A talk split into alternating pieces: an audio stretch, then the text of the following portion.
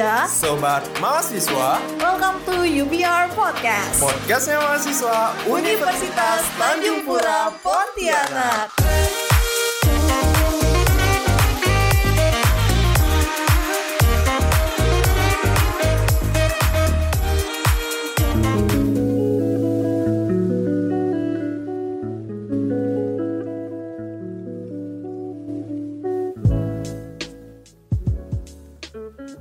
Sobat muda, sobat, mahasiswa. Kali ini Azmi dan Mar'a akan mengisi waktu luang sobat muda, sobat mahasiswa semuanya di mana pun kalian berada. Pastinya hanya di UVR Podcast, podcastnya mahasiswa Universitas Tanjung Pura Pontianak. Nah, apa kabar nih sobat muda, sobat mahasiswa sekalian? Kita harap sobat muda, sobat mahasiswa yang sedang mendengarkan di mana pun kalian berada selalu diberikan kesehatan terus ya. Jangan lupa juga tetap patuhi protokol kesehatan yang ada ya, yaitu menerapkan 5M, mencuci tangan, memakai masker, menjaga jarak, menjauhi kerumunan, dan mengurangi mobilitas ketika berada di luar rumah demi memutus rantai penyebaran virus corona. Nah, apa kabarnya nih Azmi? Alhamdulillah, Azmi sampai sekarang baik-baik aja. Kalau Mar'ah bagaimana? Yap, sama kita baik-baik aja. Nah, podcast kali ini kita bakalan membacakan satu cerpen karya Daniel Simanjuntak berjudul Izinkan Aku Menghapus Bekas Gincumu.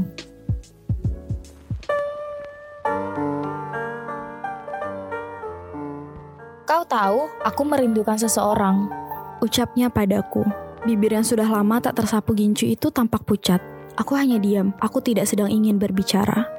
Aku merindukan tiap belayan tangannya yang menyentuh lembut punggungku, menyisipkan sela jarinya di helai rambutku. Betapa aku tak bisa melupakan malam itu.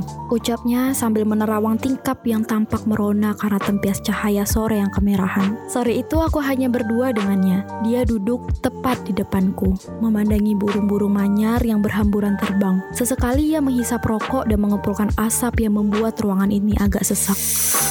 Kami jarang berkomunikasi satu sama lain. Mungkin karena kesibukannya memaksanya untuk tidur di siang hari dan bangun di malam hari.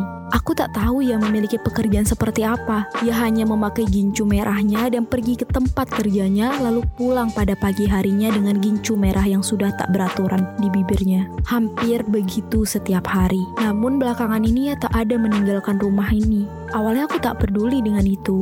Mungkin dia butuh istirahat dari pekerjaannya nampaknya melelahkan. Bagaimana tidak, ia selalu pulang dengan tubuh yang sempoyongan. Aku berpikir itu mungkin karena kelelahan. Namun beberapa minggu terlewati, ia tak pernah keluar pada malam hari seperti biasa. Ia sudah seperti orang normal yang tidur pada malam hari dan bangun pada paginya. Aku pun bertanya padanya, Kenapa Nona, kau tidak pernah lagi keluar rumah di malam hari lagi? Gincuku habis, ucapnya. Aku pun melihat langsung ke meja tempat ia biasa melukis bibirnya dengan gincu itu. Benar katanya, aku tak pernah lihat ada gincu yang biasanya diletakkan di samping kaca rias itu. Saking seringnya aku melihat dia ketika merias diri, aku sampai hafal letak barang yang ada di meja itu. Kenapa bisa habis? Tanyaku. Mereka yang menghabiskannya. Tapi aku tak pernah melihat siapa pun masuk ke ruangan ini. Mereka tak menghabiskannya di ruang ini. Mereka menghabiskannya di sini. Ucapnya sambil menunjuk ke arah bibir pucatnya itu. Aku tak mengerti, Nona. Ucapku. Mereka memakai gincu yang sedang kupakai di bibirku. Aku semakin tak mengerti. Aku hanya menunjukkan wajah bingung untuk berharap ia akan menjelaskan lebih jelas lagi padaku. Mereka menyeka gincu yang ada di bibirku dengan bibir mereka. Ujarnya spontan menjelaskan karena melihat raut bingungku. Mereka siapa, Nona? Para orang-orang kaya. Kau mungkin pernah melihat beberapa di antaranya di televisi. Para artis? Tanyaku, jujur aku masih tak mengerti apa yang wanita ini jelaskan. Benar kata orang-orang, wanita memang penuh dengan teka-teki. Bukan. Eh, sebenarnya ada beberapa, namun lebih sering pejabat-pejabat. Maksudmu lelaki-lelaki buncit yang memakai jas itu? Yaps, kau benar. Ucapnya tersenyum ibarat seorang guru yang pertanyaannya berhasil dijawab oleh muridnya. Dari lelaki-lelaki buncit itulah aku bisa makan selama ini. Lanjutnya, Aku masih tetap belum mengerti pekerjaan wanita ini sebenarnya, tapi aku juga tak begitu peduli. Hanya, kenapa ia tak bekerja selama beberapa minggu ini yang membuatku penasaran. Jadi, jika kau berhenti bekerja karena gincumu habis, kenapa kau tidak beli yang baru saja, Nuna? Tanyaku lagi. Nampaknya aku sudah terlalu banyak bertanya padanya. Namun, dia tetap santai dan menjawab semua pertanyaanku dengan senyuman. Tidak ada warna yang pas. Aku sudah mencoba berkeliling untuk mencari gincu yang berwarna sama dengan gincu yang dulu dulu, namun usahaku sia-sia. Um, apakah tidak bisa ganti warna saja? Mungkin ada warna yang mirip dengan warna gincumu yang dulu, ucapku. Aku berpikir apa bedanya warna-warna gincu itu? Merah adalah merah, Mungkin perbedaannya mencolok adalah warna merah muda dan merah tua. Namun warna gincu itu tak dapat mengurangi kecantikan wanita ini. Bahkan tanpa gincu sama sekali ia tampak mempesona dengan bibir pucatnya itu. Tidak, gincuku yang dulu sangatlah berbeda. Ia berwarna seperti darah yang keluar ketika kau mengiris nadimu. Merah terang namun gelap. Kau tahu maksudku? Tidak, tidak sama sekali. Sudahlah, ya penting warna gincuku spesial. Wanita itu sambil melentikkan bara rokok yang sudah memanjang tertiup angin. Jadi, kau tak akan bekerja sampai kau menemukan gincumu yang sesuai? Hmm, yang seperti darah itu? Talah, aku juga tidak mood bekerja belakangan ini. Aku sedang merindukan seseorang.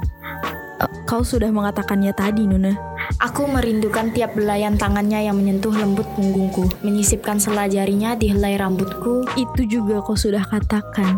Bisakah kau tidak memotongku? Ucapnya dengan dahi yang mengkerut dan muka yang cemberut.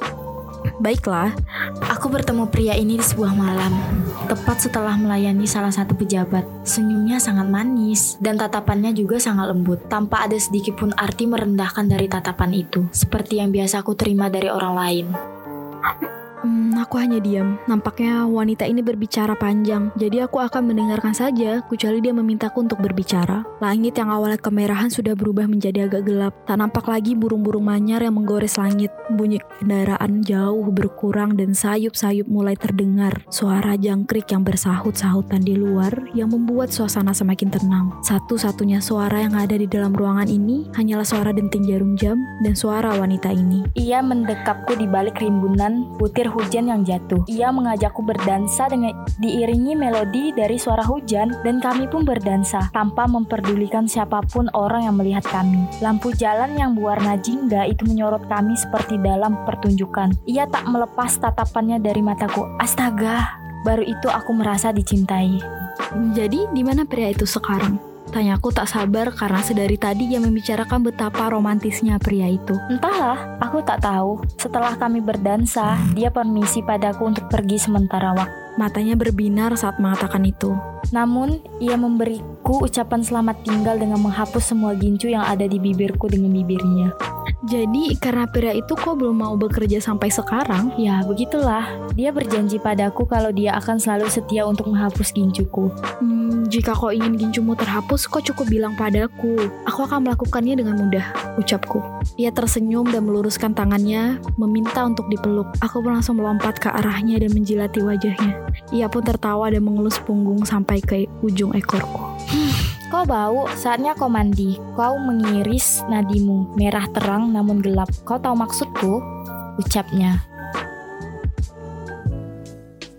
Nah, jadi itu dia uh, cerpen karya Daniel Simanjuntak. Izinkan aku menghapus bekas gincumu. Ngomong-ngomong tadi tuh Mar, ah, dari yang kita bahas ceritanya, itu kayak penuh teka-teki banget kan ya? Iya, waktu kita baca tadi ya. ya tapi kalau sobat muda, sobat mahasiswa yang mendengarkan, mungkin juga tahu nih uh, dari yang kita bacain tuh apa sih pekerjaan dari wanita itu gitu. Karena jelas banget ya kita ceritainnya. Apa?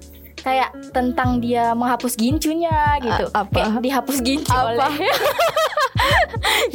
Jadi sebenarnya kan banyak teka-teki ya di di cerpen ini ya dari siapa sih eh, laki-laki uh, itu, terus wal, uh, pekerjaan perempuan itu apa, siapa yeah. sih perempuan itu, kemudian uh, siapa sih laki-laki yang dibi dibicarain sama yeah. Iya. uh, perempuan itu. Tapi uh, beberapa teka-teki itu sebenarnya terjawab dengan ini ya, dengan dialog-dialog uh, yang disampaikannya. Uh, uh, terjawab walaupun tersirat ya, yeah. enggak ditulis secara langsung. Misalnya kayak pekerjaan wanita kita langsung bisa tahu nih. Yeah uh, semakin di tengah cerita semakin tahu siapa sih sebenarnya perempuan itu Hmm, sebenarnya tuh eh ini ya kalau misalnya dari awal cerita kita baca itu tuh masih belum belum jelas tap, eh, siapa sih Iya. hubungan antara dua ini. Jadi harapan itu memang laki dengan Uh-uh. wanita itu ya. Jadi harapan itu memang ada ada jawaban sampai akhir. Rupanya ternyata memang memang sulit eh, dapat jawaban itu tapi ada perubahan nih kalau dari awal kita ngelihat ada gap nih antara si eh, Iya. p- eh, perempuan tokoh perempuan dan tokoh laki-laki tapi semakin akhir tuh semakin dekat semakin kelihatan dekat ya Iya, hubungannya itu sebenarnya benar. semakin kelihatan dekat Nah, di awal Azmi nangkapnya ya, ini tuh pembicaraan antara wanita dan laki-laki ya ya. Dan tapi ternyata itu itu ada tuh- ada yang janggal nih Iya. di bagian ini mi Eh, oh ya ini di bagian ini Eh, nah ia tersenyum dan meluruskan tangannya meminta untuk dipeluk aku pun langsung melompat ke arahnya dan menjilati wajahnya ia pun tertawa dan mengelus punggung sampai ke ujung ekorku ini kan kayak agak brutal ya kalau manusia Iya. kayak gitu padahal di awal tuh dia tuh eh, kelihatan sangat polos nih apa sih pekerjaan Mm-mm. perempuan itu kita nggak tahu apa-apa Eh, maksudnya eh, si point of view si laki-laki tuh nggak tahu apa-apa gitu Iya, benar banget. tapi ternyata brutal. Nah, Azmi nangkapnya dia tuh sebenarnya selain laki-laki ada identitas lain gak sih yang, yang mungkin tersirat gitu? Lebih ke hewan gitu nggak sih? Iya, iya kan lebih ke hewan kan. Kayak apa sih? Kan karena dia melompat dan menjilati Iya. dan biasanya kayak gitu Itu ciri-ciri dari anjing. Iya, benar banget. Iya kan? mungkin mungkin kalau sobat muda sobat mahasiswa pertama yang baca itu nggak bakal ngerti nih maksud dari poin ceritanya gitu tapi tuh di akhir-akhiran tuh ada menjelaskan nih tentang sosok yang dia ajak berdialog si wanita Mhm, ini ajak mhm. berdialog ternyata itu adalah si anjingnya Uh, barangkali anjingnya, tapi Iya. kita nggak nggak bisa bilang itu anjing ya karena kayaknya si Bisa penulis juga kodok gitu ya karena si karena si penulis itu uh, benar-benar buat teka-teki yang dalam di sini. Hmm, benar sih Tapi kerasa nggak sih kesan kesepiannya kalau kita ngeduga itu hewan atau iya Hmm. sepi banget kan ya pantasan aja pas di pertengahan dialog itu tuh dia bisa menceritakan dengan kayak eh seselo itu ya maksudnya gitu Iya. pria lain gitu Mm-mm, karena kalau misalnya cerita pria lain ke pria lain iya kan kayaknya nggak nggak nggak tahu sih Mi. kan tergantung ya, tergantung gimana kedekatan eh, dua orang ini. Tapi ya tadi ada agak janggal ketika di awal eh, kalau dekat ya kenapa kok nggak paham sih pekerjaan perempuan ini apa? Ya itu ya sebenarnya. iya eh tapi di samping eh, teka-teki yang ada eh, ba- banyak nih yang Mara tangkap tentang kalimat-kalimat yang sebenarnya diksi-diksi yang dipakai sih lebih menarik ketika ada ada misalnya nama burung kemudian eh, gerak-gerik yang yang dimainkan menggunakan Iya. diksi itu eh, itu yang menutup menutup bahwa yang sedang dibicarakan itu belum tentu manusia gitu. Iya benar sih. Dan itu juga yang membuka banyak kemungkinan gitu. Karena memang Azmi pertamanya juga mikir kalau itu tuh sosok manusia juga gitu yang dibicarakan. Ternyata bukan ya. Eh, ya nggak tahu ya bukan atau enggak cuman kita mencurigai itu karena dari awal sampai akhir ada perbedaan yang betul-betul yang pertama polos banget tapi di akhir tuh brutal Iya. brutal yang brutal. se- dibilang brutal karena sikapnya sampai kayak ini ya melompat gitu ya kayak kayak hewan ya memang Mm-mm. di akhir nah eh, gitu tapi yang namanya cerpen nggak mungkin ada satu apa ya satu makna yang sama gitu makna yang tunggal ataupun eh, pesan-pesan yang tunggal pasti tiap cerpen itu pasti berbeda tangkapannya oleh setiap individu yang baca gitu ya Iya. Baiklah sobat muda sobat mahasiswa tidak terasa sudah cukup jauh perbincangan Azmi dan Mar'a tentang pembahasan kita mengenai cerpen dari Daniel. Semoga apa yang dapat disampaikan pada podcast kali ini dapat bermanfaat dan menambah literasi dari sobat muda sobat mahasiswa. Nah, cerpen ini bisa sobat muda sobat mahasiswa dapatkan di tabloid Mimbar Untan edisi 24 dah- tahun 2021 atau sobat muda sobat mahasiswa juga bisa sekali klik di mimbaruntan.com. Nah, jangan lupa dengerin terus UVR Podcast di Spotify dan Amcor. Dan follow juga official account sosial media kita di Instagram yaitu LPM Untan dan Untan Voice Radio. Dan buat sobat muda, sobat mahasiswa yang mau tahu lebih lanjut, kalian juga bisa buka webnya mimbaruntan.com. Kemudian untuk video-video kalian bisa buka di Mion Channel. Kemudian untuk barang-barang yang kita jual itu kalian bisa cek di Mion Market. Sobat muda bisa banget nih kalau mau request topik podcast atau mau ikutan podcast bareng kita. Baik mungkin cukup sekian ya dari Azmi dan Mar'a pamit undur diri. Dan tunggu podcast selanjutnya di UVR Podcast, podcastnya mahasiswa Universitas Tanjung Pura Pontianak. Dadah!